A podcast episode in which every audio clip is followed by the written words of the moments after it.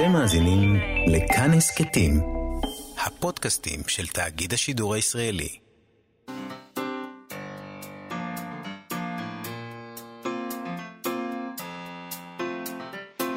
מה שכרוך עם יובל אביבי ומה יעשה לה.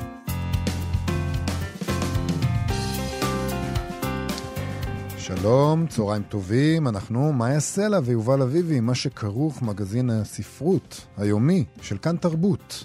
אנחנו משדרים ב-104.9 ו-105.3 FM, ואנחנו גם אה, משדרים באפליקציה ובאתר, איך שלא תרצו, אנחנו שם.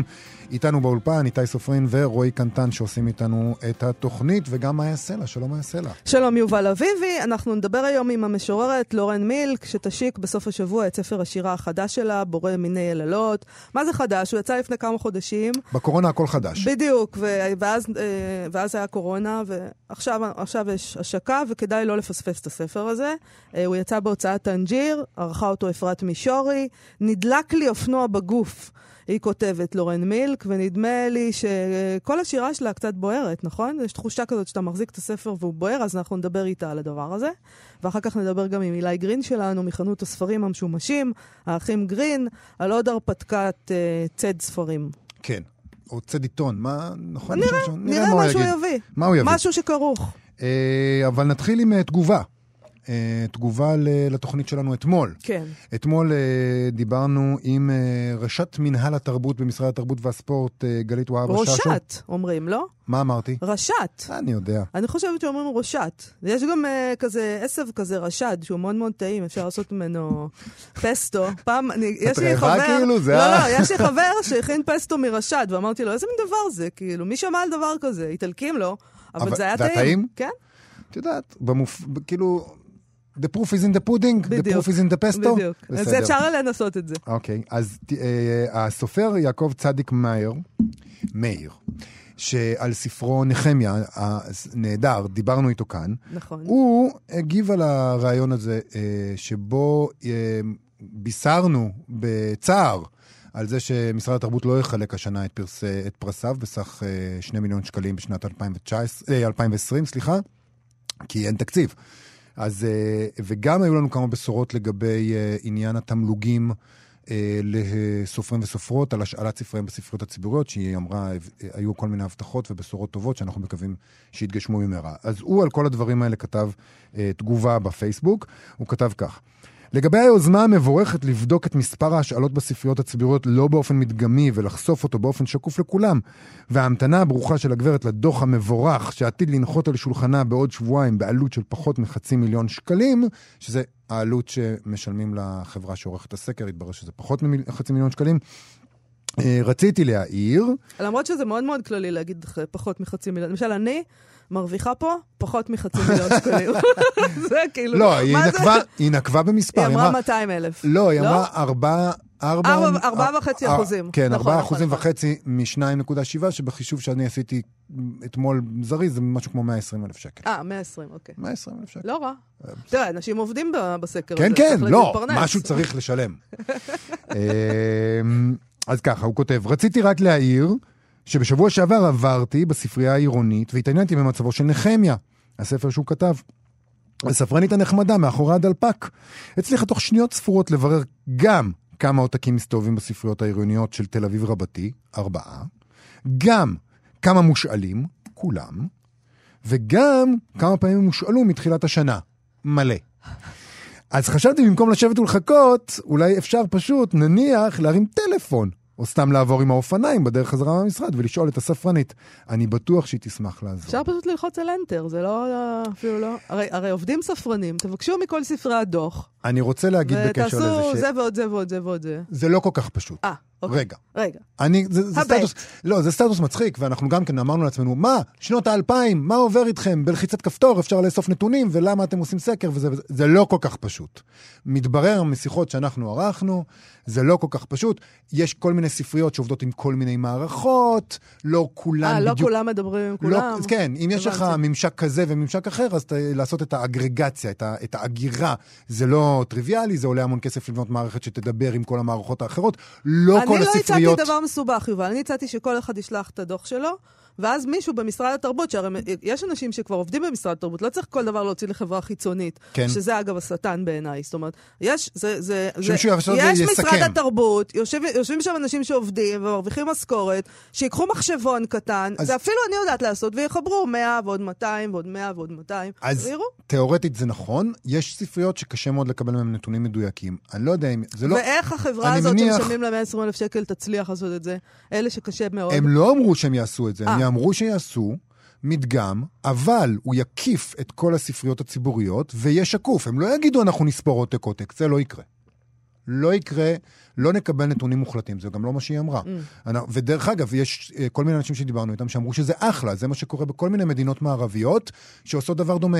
הרבה מדינות מערביות שאנחנו שואפים לדמות אליהן, לא עושות, אה, לא עושות אה, אני סקר, רוצה- לא עושות אני- אני אה, לך אגרגציה משהו. מוחלטת. אני רוצה להגיד לך משהו. אני, אני מאוד uh, התפעלתי אתמול, ועדיין, כאילו, אני חשה איזה מין התפעמות מזה שזה הולך להיות שקוף. זהו. אבל אחר כך אמרתי לעצמי, תראה לאיזה מצב גרוע הגענו.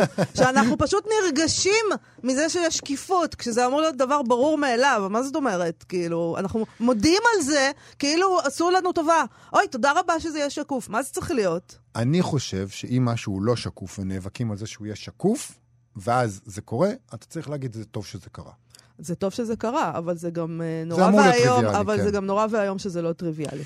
אה, בכל מקרה, אה, הדברים הם די מסובכים, יש גם ספריות, אתה יודע, ספריות ציבוריות, אנחנו, על מה אנחנו חושבים? אנחנו חושבים על ספרייה ציבורית, כמו נגיד, אני חושב על בית אריאלה, או להבדיל הספרייה הציבורית של ניו יורק. אה, אני חושבת, זה נורא מעניין שאתה אבל- אומר את זה. אני חושבת על הספרייה הציבורית בהרצליה, ששם בתור ילדה הייתי הולכת לקחת אוקיי, ספרים. ומה עם כל אחד הספרייה- והדימויים שלו. ומה עם הספרייה הציבורית של מושב בדרום הארץ, שהקימו אותו אה, תושבים ביוזמה עצמית לפני שלוש שנים? לא, היא להם- אמרה רק דברים שהם בפיקוח שלהם ושהם תחת חסותם, לא כל אה, יוזמה קטנה של מישהו.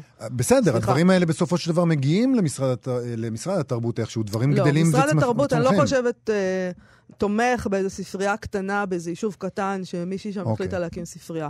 וחבל, אבל זה לא קורה.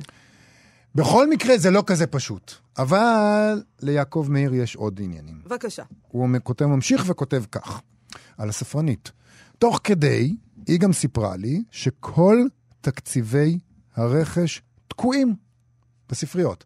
זה דבר שאנחנו די יודעים אותו. אין, כל, אין למה, אה, לא כל כך פשוט, גם נדמה לי שבכתבה הגדולה... כן, אה, דיברנו על זה על- בישראל בישראל היום. היום, של עומר כן. לחמנוביץ', היה כתוב על איך אין תקציבי רכש ובסוף משחררים אותם בנובמבר, ואם אתה לא משתמש בהם תוך עשרה ימים, אז אתה מאבד אותם, בלאגן. אוקיי, אז היא אומרת לו, הספרנית, שמא ארצה לתרום עותק משלי, שיהיה גם בסניף הבית של הספריות. אז זהו, שלגבי הרכש, שמעתי באותו הרעיון, זה הרעיון שלנו, שבדיוק ביטלו את כל הפרסים הספרותיים ועשו זאת אחרי שהסופרות והסופרים טרחו ושלחו עותקים על חשבונם לפי כל הכללים והדרישות. וזה קצת חבל.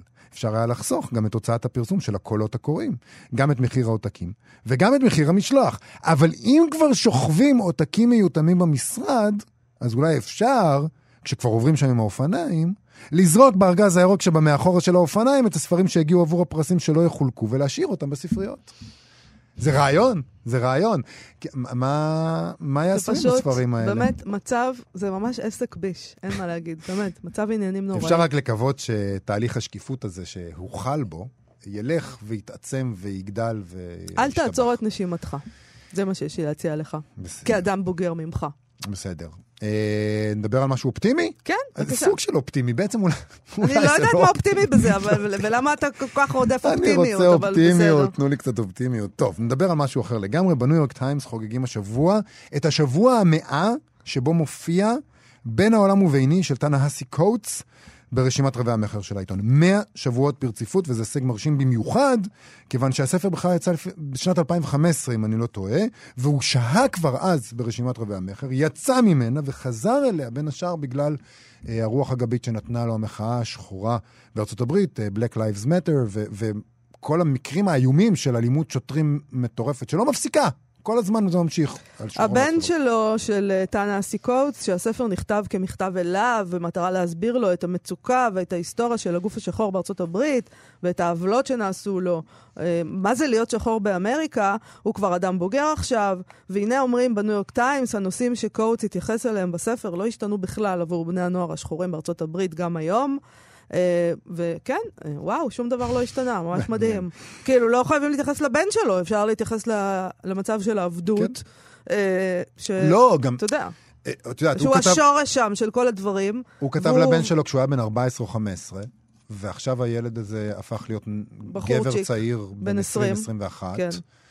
ואפשר פשוט uh, להתייחס לזה כאילו זה לבן 14 היום, כי בן 14 היום מרגיש בדיוק את אותם דברים שהבן שלו הרגיש לפני שש שנים. לא קרה שום דבר חיובי מהבחינה הזאת, אבל uh, לכבוד האירוע הם שאלו אותו משהו אחר לגמרי. הם שאלו uh, את קוטס אם הוא התרגל להצלחה של הספר, והוא עונה כך.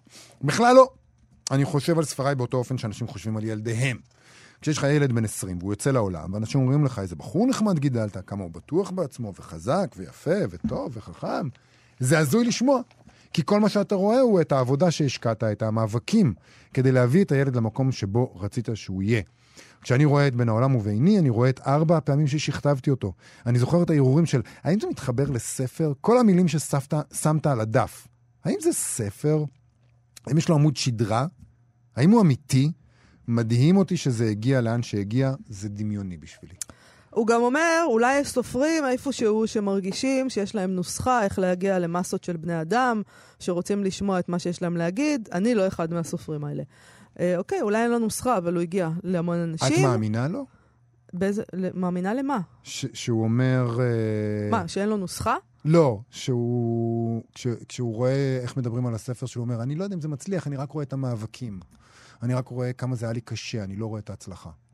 הוא לא אומר שהוא לא רואה את ההצלחה, אבל הוא אומר שהוא רואה את הדרך שהגענו עד הלום. אני מאמינה לו, למה שאני לא אאמין לו? אני כזה- לא מסכימה איתו לגבי ההשוואה הזאת לילד. כי כשאומרים לי על הבת שלי כמה שהיא נהדרת, אז אני נורא נורא מתבשמת בזה, ואני לא חושבת לעצמי, אוי, כמה עבדתי קשה כדי שתגיע עד הלום. לפעמים אני כן חושבת, וואו, איך הצלחתי, אה, איך היא הצליחה להגיע עד הלום בלי שאני... אה, אקלקל? קלקלתי. זאת אומרת, עשיתי את כל המאמצים לקלקל, ובכל זאת היא הצליחה לחמוק. אני נדהם שהוא אומר, אה, המאבקים כדי להביא את הילד למקום שבו רצית שהוא יהיה. כי זה נשמע כאילו יש לו איזה מקום שהוא רוצה שהילד יגיע אליו, ואני לא יודע כלום. אני מגדל את אנחנו- הילד זה שלי לא נכון, באפלה. יודעים. לא, לא, לא, אני- יובל. אנחנו יודעים שאנחנו רוצים שהילד שלנו אה, יהיה חזק, להתמודד בעולם הזה, יהיה משכיל, יהיה טוב, יש כמה דברים שאנחנו רוצים. אני? רוצה להגיע לשמונה וחצי ושכולם ישנו. זה מה שאני רוצה להגיד. בסדר, אז זאת הזדמנות להגיד שיש עכשיו uh, ספר חדש של טאנה אסי קוטס בעברית, שמונה שנים שלטנו טרגדיה אמריקאית, שיצא בהוצאת הקיבוץ המאוחד בסדרת קו אדום, בתרגומו של אבי מזרחי. Uh, אני התחלתי כבר לקרוא אותו, זה ספר מרתק, על תקופת ממשלו בעצם, של ברק אובמה, ולמה אמריקה הלבנה לא הייתה יכולה לסבול את הממשל הזה. אה, ממשל הטוב הזה, למה הם לא יכולים לסבול את השחור הטוב? על זה הוא כותב בעצם. אה, ואנחנו עוד נדבר על הספר הזה כאן, ללא ספק. הפסיקו את המוזיקה,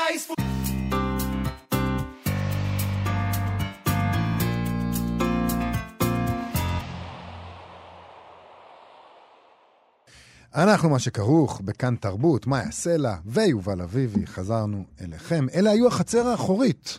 אה, הפסיקו את המוזיקה. ינקלה רוטבליט כתב את המילים, ואיתמר ציגלר הלחין, וזה היה יופי. נכון. מה עכשיו? עכשיו ביום חמישי. עכשיו ביום חמישי. עכשיו ביום חמישי.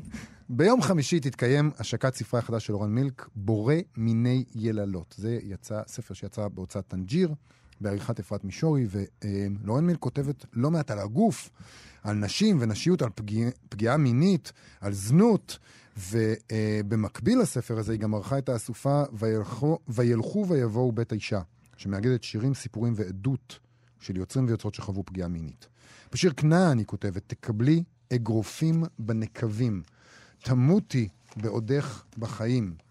לא צריך שידליקו לך נר, יש לך סנה בוער. שלום למשוררת לורן מילק. שלום. אז יש בה, ממש אה, אה, בשירה שאת כותבת שילוב בין שירים על, הת... על התעללות, על פגיעה מינית, ומצד שני, יש שם גם תפיסה של גאולה שיש באהבה ובמין, אה, שירי אהבה ודיבור על מין אה, טוב, חיובי, חיובי. כן. אה, נכון, זה ספר שבא מתוך הגוף, אז בגוף יש אה, את כל המרבד הזה של אה, התשוקה מצד אחד, האהבה ושירי עונג וכאב, טראומות. אמ, אני באה ממקום שבאמת אה, חושף ושופך אור. ספר שנפתח אה, בפיוט שנקרא נורה בי עמרם של רבי נתן ז'אן. מתוך שירת הבקשות של יהודי מרוקו, וזה מדבר על מסע מוזיקלי של נשמה שחורה ושירה שחורה, בריאה של אה, מיני הנחה והיללה, שזה בעצם אה, לב הספר.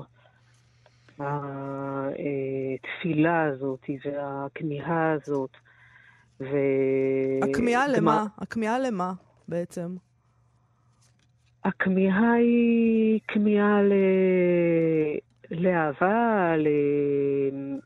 באמת למשהו שהוא יותר, אה, שהוא יותר מרגיע, שהוא יותר אה, עמוק, יותר אה, אמיתי, ולא לצאת בעצם ממעגל האלימות, ממעגל הפחד והחוויות ה... מאוד uh, מרסקות ושוברות. יש משהו מאוד אופטימי בתפיסה הזאת. כשאני קראתי את הספר שלך, חשבתי את זה, למרות שהוא, אמרתי מקודם, זה כאילו, הספר הזה הוא בוער באיזשהו מקום. Uh, העניין הזה גם של יש לך סנה בוער, uh, אבל מצד שני, עם כל החוויות הקשות של ביוס ושל זנות וכל הדבר הזה, עדיין יכול, יכול להיות גם מקום uh, טוב של אהבה. ככה אצלך בספר. זה נע בין זה לזה. את לא התייאשת מהדבר הזה. לא, לא התאהבתי מהדבר הזה. אני גם כותבת אה, מתוך אה, מקום שאני מרגישה מחויבות אה, חברתית לצאת החוצה עם אה, איזשהו מסר לחברה. אבל אני אישה, אני לא אה, מרגישה שאני... מחוסלת. אה, יש לי קול עצמאי ונבדל, ואני כן, אה, בסופו של דבר, אה, חווה חוויות נשיות, ומקום פרטי וכן אמיץ. אני, אני, אני לא... אני חייב להגיד שאני קראתי את זה קצת אחרת ממה שמאיה קוראת את זה. כשאני קראתי את זה, אמרתי לעצמי שזה מקום של מחאה. שיש בדבר הזה של להגיד כן לאהבה, כן למיניות אה, אה, בריאה, זה ממש מחאה, וזה הזכיר לי את כל... אה, היה דיון לאחרונה, אה, אני ראיתי אותו בפייסבוק, על אנש, כשדיברו על האונס המחריד באילת, ואנשים אמרו, אוי ואבוי, אה, הרסו לה את החיים. ואז היו קולות שאמרו, לא, הם לא הרסו לה את החיים, הם אפילו לא הרסו לה את המיניות, אל תיקחו לה את הדבר הזה. ואת אומרת בעצם את זה, אתם לא תיקחו לי. אתם לא תיגעו לי בדבר הזה, לא משנה מה עברנו, יש את המקום הזה, זה ממש איזה סוג של אה, אה, להגן על המקום הזה, זה שלי. תראה, אני עברתי אונס אה, מאוד אכזרי, וגם כתוצאה מזה החיים שלי השתנו. אה, אם זה גם אה, כל התהליך הזה של להעיד בבית משפט, זה, זה רק אה, זה בפני עצמו חושף לטראומה של אונס שני, ותווית כזאת שאחר כך, במיוחד אני, שמגיעה גם מקהילה שהיא חרדית, אז, אז זה גם תווית כזאת. אני זוכרת שהתארחתי בשבת אצל אישה חרדית, שבסוף ה... בסוף השבת גילתה שאני עברתי אונס. ואז היא אמרה, אם הייתי יודעת, לא הייתי מזמינה אותך לפה. זה כאילו קללה, זה את, את לא בסדר. וואו. ויצאתי בוכה מהבית שלה, והיא הלכה להתנצל כדי שהיא לא תרגיש ש... שהיא לא בסדר. וזה איזושהי החתמה כזאת, זאת אומרת, כשאישה, אני בחוויה שלי, כשאני נאנסתי, הפכתי לזונה. בעיני, ה, אם זה בעיני אה, קרובי משפחה שלי, אם זה בעיני אה, החברה החרדית שהאשימה אותי.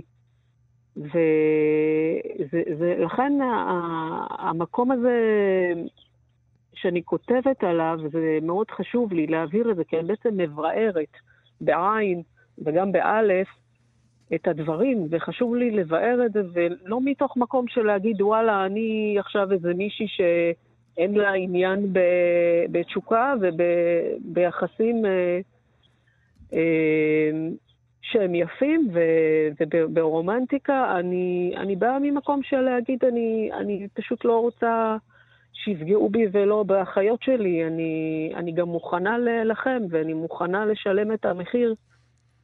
אה, ולהיחשף עם הדברים האלה.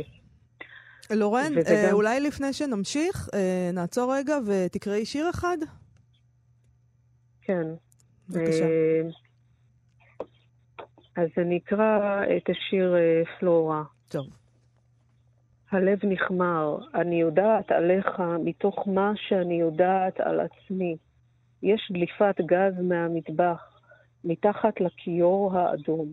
המילים נעות בגרוני ורצות מתחת לאדמה. בוא נתיידד כחיידקים. למן ההתחלה ידעתי, כי אתה הוא זיכרוני. בוא תאזן לי את הפלורה. הפרשות קרומים דביקים וקשקשי עין מתעוררים לצדך, והריסים יודעים שאני מתגעגעת למבטך.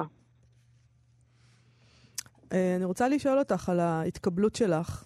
אה, אני, יש פה שיר אחד, אה, שירת הצפה. נכון. שבה את, את מאוד כועסת על ההתקבלות, על נושא ההתקבלות, נכון? שיר... נושא ההתקבלות? כן, על איך, על איך קיבלו אותך בשדה, בשדה השירה והספרות. נכון. תראי, זה שיר שכתבתי בעקבות מאמר שכתב צ'יקי ארד, אה, שהוא כתב על אה, שירת הפצע. כן. ואני הפכתי את זה לשירת הצפה. בעצם במאמר הזה הוא די... אה, לגלג. מקטין, כן, mm-hmm, מקטין, מקטין ומלגלג לשירה שמגיעה ממקור שהוא מקור טראומטי של בעצם חוויות שהן לא קלות.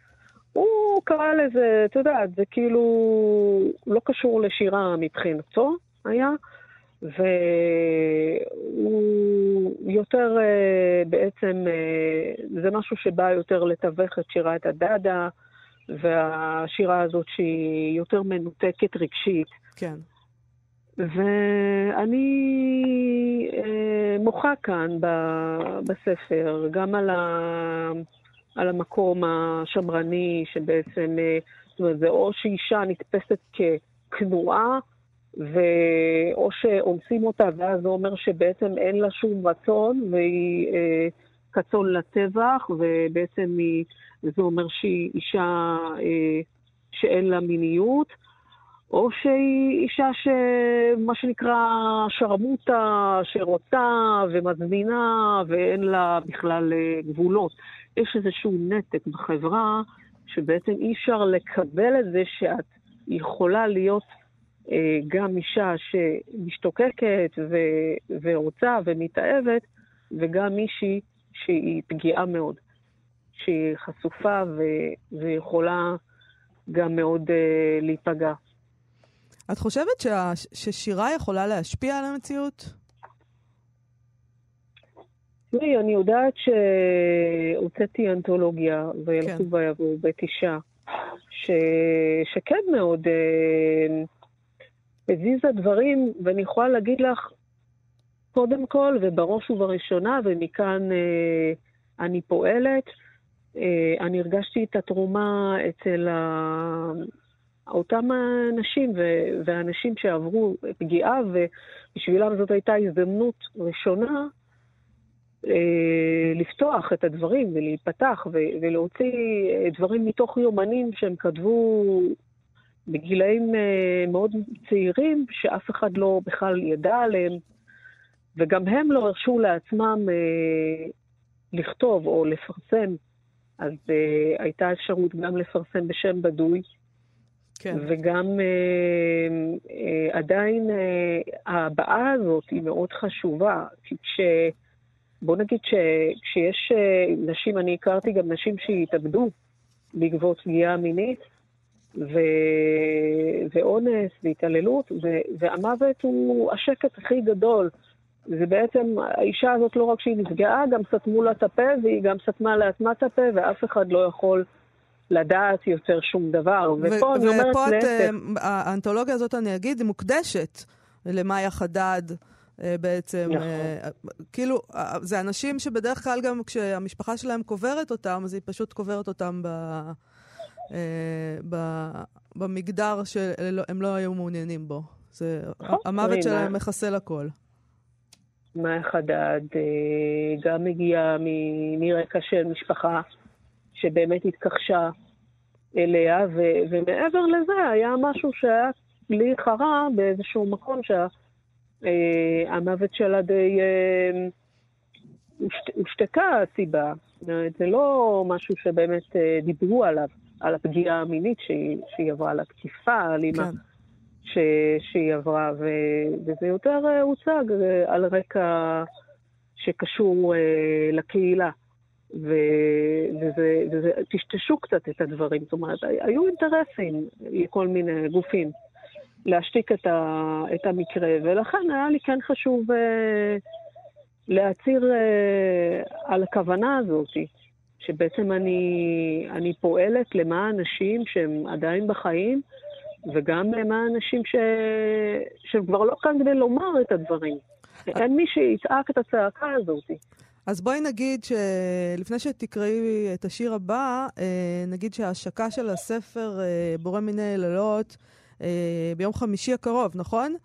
אה, נכון. בהשתתפות לבנת בן חמו, אה, העורכת אה, של הספר, דוקטור אפרת מישורי, תהילה חכימי, טל ניצן, רחלי סעיד, אופירה ברקוביץ', נדב ביטון, מאור ויזל, אתי רומנו, מורי נהדר. הספר הזה יצא בהוצאת טנג'יר. אה, הדבר הזה יקרה ברחוב, ב, ב, במקרר, ברחוב החשמונאים בתל אביב. אה, אני אשמח אם תקראי עוד שיר בשבילנו. כן, אז אני אקרא את השיר ש... אה, שיר, שיר הנושא בעצם מתוך הספר, פרפר כנף זכוכית. צבעת לי את המיטה בפרפר כנף זכוכית. נכנסת אליי עם אקדח עמוק בכיס של הג'ינס. סלים הללי, נינו ביטון, מקסים בניון, כיכבו אצלנו בפלייליסט. אפילו פרינס ירד לקנות אסיד ללהקה וחזר בדיוק על אותו הביט. גדלת בבאר שבע, בשכונת עוני. אני גדלתי על ברכך. נשוי פעם שנייה, עיניי נשואות עד אל. גבר גונח אצלי בבית באמבטיה. מציף לי את הבניאס. מתעורר משינה ארוכה. משאיר טבעת זהב על האצבע. נוגע עד שביל החלב. בורא מיני הנחה ויללה. ברוך בורא מיני יללות. ברקמה שבין הוורידים. יורד אליי מהירח מאדים. נקבר אצלי בפתח ים המלח. לורן מילק, בורא מיני יללות. אה, אנחנו נשמע עכשיו את קורין אלעל, שרה את דניאל, אה, מתוך הפרויקט שלך. זה גם טקסטים שלך. אז איזה כיף. תודה רבה לך. תודה לכם. להתראות. ביי ביי.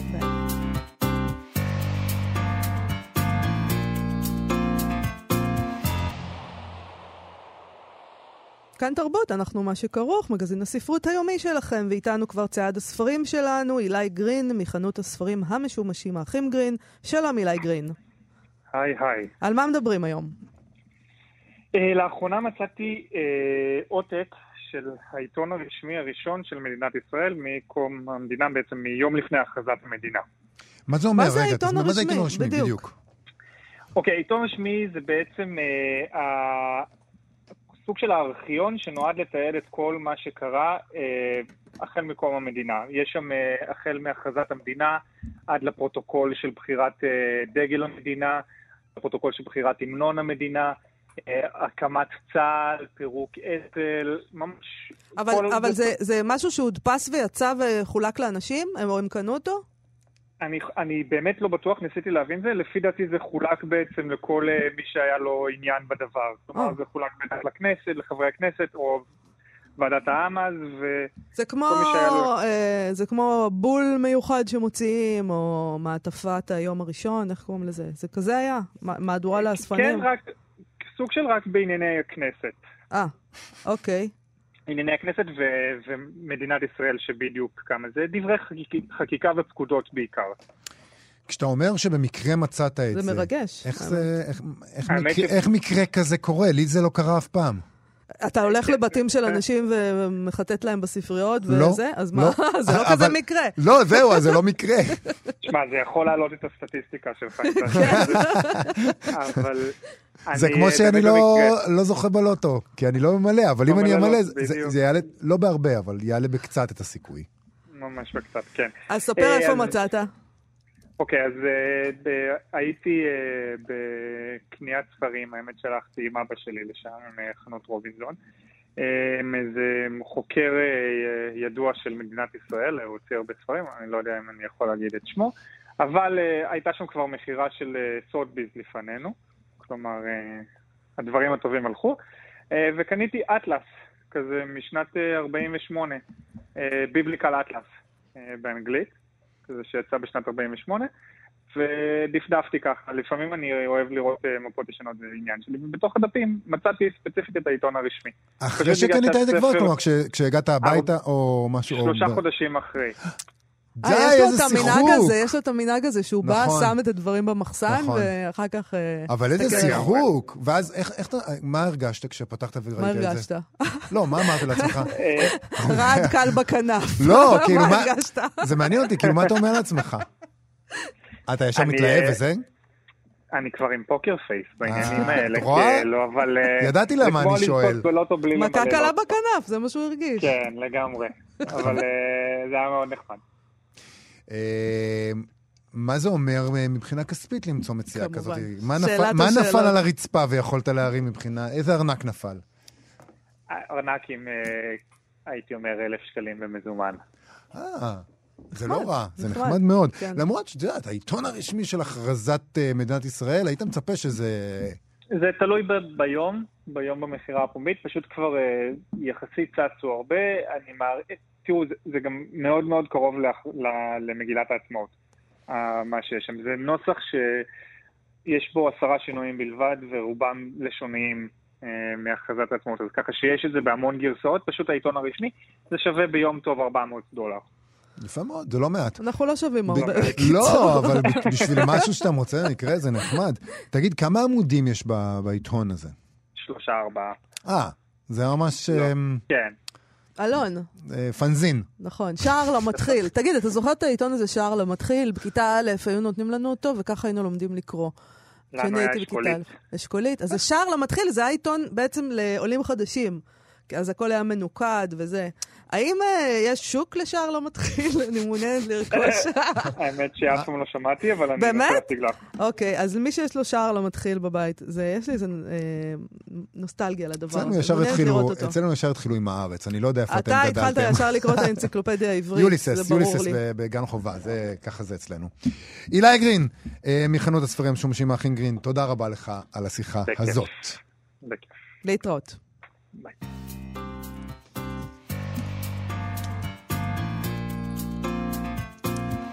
טוב, נעשה קצת uh, גנזים, יובל. Uh, המאזין יפתח הלינג שלח לנו גזיר עיתון משנת 1961 מעריב. הוא, שאל אותי, uh, זה היה לפני איזה שבועיים, כשהיינו בחופש, הוא שאל אותי אם אני יודעת במה, במי מדובר. בכותרת הידיעה נכתב, הצלחה בלתי רגילה לרומן של מחבר ישראלי לא נודע. על הידיעה חתום דוקטור ד' לאור, סופר מעריב בפריז. ככה הוא כותב, דוקטור ד' לאור. במלוא החיפזון המקסימלי עסוק כעת צוות מתרגמים בהוצאת גלימאר הנודעת בפריז, בפריס, זה פריס עם סמך, uh, בתרגום האיש שברח מן היערות, רומן של מחבר ישראלי לא נודע בשם יעקב קליין, מודיע היום לאורור בהבלטה רבה. הספר נכתב במקורו בגרמנית ונשלח מתל אביב להוצאת ספרים בפרנקפורט, שמיד החליטה על הוצאתו.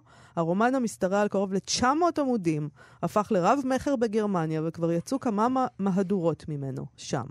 עתה מתרגמים אותו לכמה שפות אה, אחרות, וגם נמכרו הזכויות להסרטתו בהוליווד. המחבר הוא בן 63, עסק ב-20 מקצועות לפחות. לישראל הגיע מרומניה בשנת 1948, היה נהג ומוכר משקאות, אה, כאשר לא הצליח בשום מקצוע אחר, החליט לנסות כוחות בכתיבה. זו השורה האהובה עליי בכתבה. ורק בגרמניה בלבד הרוויח קרוב ל-100 אלף לירות. הרומן מספר על, על הרפתקאותיו של איש מודיעין רומני העובר בחשאי מרומניה לפולין הכבושה בידי הצבא האדום בספטמבר של 1939, גם במטרות ריגול וגם כדי למצוא את אשת ידידו. מבקר גרמני השווה את הספר לחלף עם הרוח והגדירו כאפוס של אירופה המרכזית לפני כיבושה בידי היטלר. המחבר כותב כעת חלק שני בשם ערערת. זו הידיעה ששלח אליי יפתח הלינג. אה, היא משנת, כאמור, 1961. בגוגל לא מצאתי תוצאות, אה, חיפשתי מי זה הקליין הזה, ואז פרסמתי בפייסבוק שלי וביקשתי את חוכמת ההמונים. אה, גם בפייסבוק של התוכנית, נדמה לי. והנה יוסף כהן, מו"ל הוצאת עברית, ענה בתוך דקות ספורות עם פתרון התעלומה, וגם לגלג עליי בצדק שיש חיים לפני ואחרי גוגל. אה, אז בואו נספר על האיש הזה, יעקב קליין, שבאמת מצאנו כמה וכמה ידיעות. כן. אודותיו. בכתבה שהתפרסמה במעריב בשנת 63 תחת הכותרת סוס ההצלחה של קליין הפרש. כך כתב ג' שרוני. בווילתו הקטנה שבפרדס הגדוד, בנתניה, מתנוססים על הכתלים דיוקנאות של סוסים. ראש של סוס צחור יפה אציל מבע, הסוס השני אדום, השלישי מנומר, ניצב זקוף על גפיו האחוריות. בחדר האורחים ציור שמן גדול של גולדן בוי, זה סוסו האהוב, שעליו רכב בתקופת שירותו כקצין בחיל הפרשים של הקיסר פרנץ יוזף. כל האווירה בבית נושמת, נופי סוסים אבירים, נופי תקופה שחלפה ואיננה. כי הסוסים נשארו עד היום אהבתו הגדולה של יעקב קליין הפרש. היה לו פעם בנתניה בית ספר לרכיבה. תמיד ראוהו עובר בחוצות העיר, רוכב בגנדור על סוסו. הילדים הם שהדביקו לו באותה תקופה את הכינוי הפרש, והוא אהב את הכינוי הזה, אימץ אותו והוסיפו לשמו המקורי. עתה מתנוסס השם בעל הצירוף המשונה קליין הפרש, באותיות, כתוב, זה כתוב באותיות אנגלית, הפרש. כן. ככה, זה, ככה הוא חתם על הספרים. כן. במודעות ענקיות בעיתונות האמריקנית, עמודים שלמים ממש, קלסטרו המכותב, החד, מחייך מתוך המגזינים. חובב הסוסים מנתניה דרך לפני שנתיים ככוכב שביט בעולם המוזות של אירופה, כאשר ספרו רב הכמות, כי ינוס איש מפני הארי, כבש את היבשת בסערה ותורגם עד עתה לחמש שפות. באוקטובר שעבר יצא הספר בארצות הברית וזכה מיד עם הופעתו בהערכות נלהבות ובתפוצה ענקית. המבקר הספרותי של הניו יורק טיימס משווה את רב המכר של קליין הפרש לאפוס הגדול של מרגרט מיטשל, חלף עם הרוח. גם הוליווד אינה מפגרת, היא כבר פתחה במשא ומתן על הסרטת יצירתו של הפרש הנתנייתי, שרכב לפתע על סוס התהילה. אני חייב להגיד שזה נורא יפה איך שהוא משתמש במוטיב הזה של הסוס. רכב לא על מפסיק, סוס התהילה. הוא לא הוא לא מפסיק מפסיק. גם.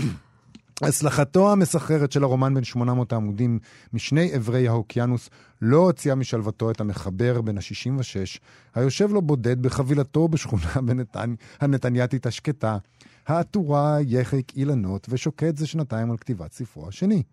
אם יברכוהו ממרומים, הוא אומר, יש בדעתו להשלים בשנים הבאות טרילוגיה, שחלקה הראשון הוציא לו מוניטין בספרות העולמית. כן, בספרות העולמית, ואילו בארצו שלו, עדיין הוא אלמוני, בלתי נודע.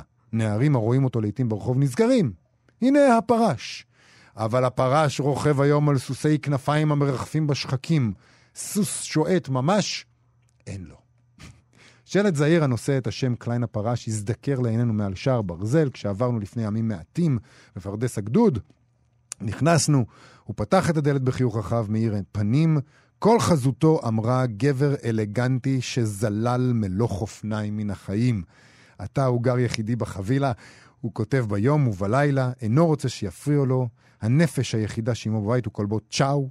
את ספרו הראשון כתב כאשר התגורר בחדר אמבטיה צר וסבל חרפת רעב. אנשים ששמעו באותם הימים כי קליין הסתגר בחדרו וכותב ספר, לגלגו ומילאו פיהם צחוק. כן, כך זה היה.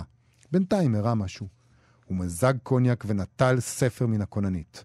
היו סדורים שם חמישה ספרים עבי כרס זה לצד זה. מהדורה גרמנית, צרפתית, הולנדית, אמריקנית.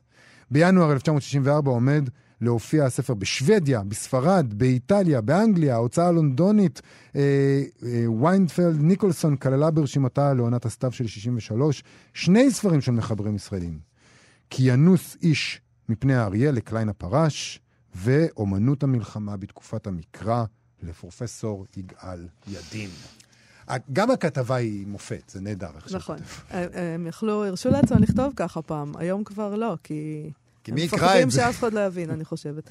אה, אני רק רוצה להגיד בדבר, ה-13 באוקטובר 1970, מתפרסמת ידיעה קטנה על מותו, אה, ומעלה עוד, עוד פרטים אה, פחות הירואיים, זאת אומרת, פחות משמחים. ככה מציגים אותו כאיזה מין גבר כזה על סוס מדהים. ממש, איש העולם הגדול. אוקיי. הסופר יעקב קליין הפרש, הם כותבים, שמת ממחלת לב בגיל 73, יובא היום למנוחות בנתניה.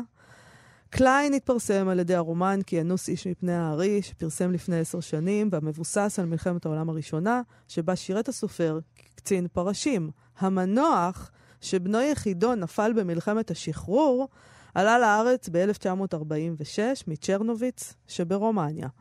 בהוצאת פישר בגרמניה פרסם עוד שני ספרים בנושאים יהודיים. אז אה, גם, גם המשפחה שלי מצ'רנוביץ, יש, ישר, ישר חשבתי לעצמי, אולי היינו קרובים באיזשהו אופן. מה אתה אומר על זה? אה, אוקיי, אז, אז כתוב, אה, עוד דבר אה, שכתוב בגזירי העיתון, זה שלאחר שהוא התגרש מאשתו, שיושבת כיום בתל אביב, הלך קליין לאולפן עקיבא ללמוד עברית, שוב לא הופיע בחברה. הגבר התמיר, הוא התגרש אחרי שהבן שלו נהרג, שוב לא הופיע בחברה, הגבר התמיר והנאה נראה רק לעיתים רחוקות, כשהוא מתהלך, אה, נשען על מקלו. בודדים מבין מכריו הרבים ששוחחו עמו, שמעו מפיו, כי החליט להקדיש את שארית חייו לכתיבה. אך איש מהם לא התייחס לדבר הזה ברצינות. אה, אף אחד לא האמין לו, בקיצור, על הדבר הזה. עכשיו, הדבר הכי נורא זה שאף אחד לא האמין לו וכל הדבר הזה, אבל גם היום אף אחד לא זוכר אותו. אם זה חשוב בכלל, אני- שנזכור מישהו. אני- או אם זה חשוב לנו שיזכרו אותנו, לא יודעת. אני רוצה מוזר. להבין, אני רוצה להבין אבל מי זה האיש הזה. כי יש פה שני אנשים. כל התיאור הזה של הגבר המסוכס, איש העולם הגדול, שמוזג לעצמו קוניאק בחבילה הנתניאתית שלו, כל זה קרה אחרי כל מה שמספרים פה, אחרי החיים העצובים והקשים, נכון? אני הבנתי נכון? נכון. אז מי הוא? זה, זה גבר תמיר ונאה שמוזג לעצמו קוניאק אה, ג'יימס בונדי? או שזה גבר שכוח שהולך כפוף ברחוב עם מקל ו- וכולו צער אני, וכאב על... מגזירי אה, העיתון שקראתי, קודם כל הבנתי ש... אה, לא חייבים, היה, לא חייבים היו העיתונאים להאמין לכל דבר שהאיש הזה סיפר על עצמו, כן. אוקיי? אה, והם האמינו. הם, הם, אני לא יודעת אם הם האמינו כמו שהם נהנו לספר את זה. אז הם סיפרו, והוא סיפר על הרכיבה שלו על הסוסים ברחבי אה, מזרח אירופה, הוא סיפר שהוא היה סוחר יהלומים, הוא סיפר כל מיני סיפורים. אני לא יודעת בדיוק מה היה נכון מהדבר הזה. זה די מדהים שאנחנו לא יודעים כלום על הבן אדם הזה. לא, זהו, אני אומר, התעלומה בעיניי לא נפתרה. אני ניסיתי גם אה, לחפש מי זה, הבן, מי זה הבן שלו. זה מאוד מאוד שנהרג? קשה. כן. כתוב שהוא היה פעיל בשורות האצ"ל. אה, אחר כך הוא, הוא כמובן נהרג בצ... ב-48 בצה"ל, בשעת מילוי תפקידו, שזה מוזר, בשעת מילוי תפקידו, מה זה? אה, ו- ועוד הם מציינים, זאת הייתה טרגדיית חייו של האב, שזנח לאחר האסון את בית הספר לרכיבה ונהפך לסוחר יהלומים. אבל גם במקצוע הזה הוא לא התמיד, אלא שנים מעטות. לא יודעת, יובל. אני חושב שזה פחות הירואי מכפי שזה היה בכתבה הראשונה הזאת של אה, ג' שרוני, שהוא מאוד מאוד מתעקש אה, להצמיד לו סוסי תהילה ו- ו- ובתים מפוארים. ו- הוא ו- דמות כזאת מהעולם, ה... ש- מהעולם הזה, יוזף כזה. מהעולם הזה שהתפרק אה, על, להם על הראש, מלחמת העולם הראשונה ואחר כך השנייה. הוא ו- דמות כזאת מהעולם ההוא. אז- זה מאוד מעניין. נכון, ואני חושב שהוא, בסופו של דבר, אם אנחנו מסתכלים, אם אנחנו עושים סך של הדברים האלה, זה דמות טראגית ולא דמות הירואית. דמות טראגית לחלוטין, מסכימה איתך. אה, הגיע הזמן אה, לסיים, נכון? נכון מאוד. חבל מאוד. יש לי עוד המון מה לומר לך. מחר נגיד את זה. אנחנו נהיה פה שוב מחר. אה, בוא נודה לרועי קנטן ואיתי סופרין שעשו איתנו את התוכנית. אה, אתם מוזמנים כמובן לעמוד הפייסבוק של מה שכרוך עם יובל אביבי ומאיה סלע, וגם לעמוד הפייסבוק של כאן תרבות. אתם מוזמנים לשלוח לנו כל מיני גזירי עיתון מעניינים כן, אנחנו כאלה. ממש אוהבים את זה. אם יש לכם פרשיות ועניינים, אני מאוד תשלחו. אוהבת את זה, שאתם עושים את זה, ואני גם מאוד אוהבת לחקור. מה, מאיפה? מה קורה? ואם מישהו יודע משהו על הבן של אה, יעקב קליין הפרש, ספרו לנו גם. להתראות.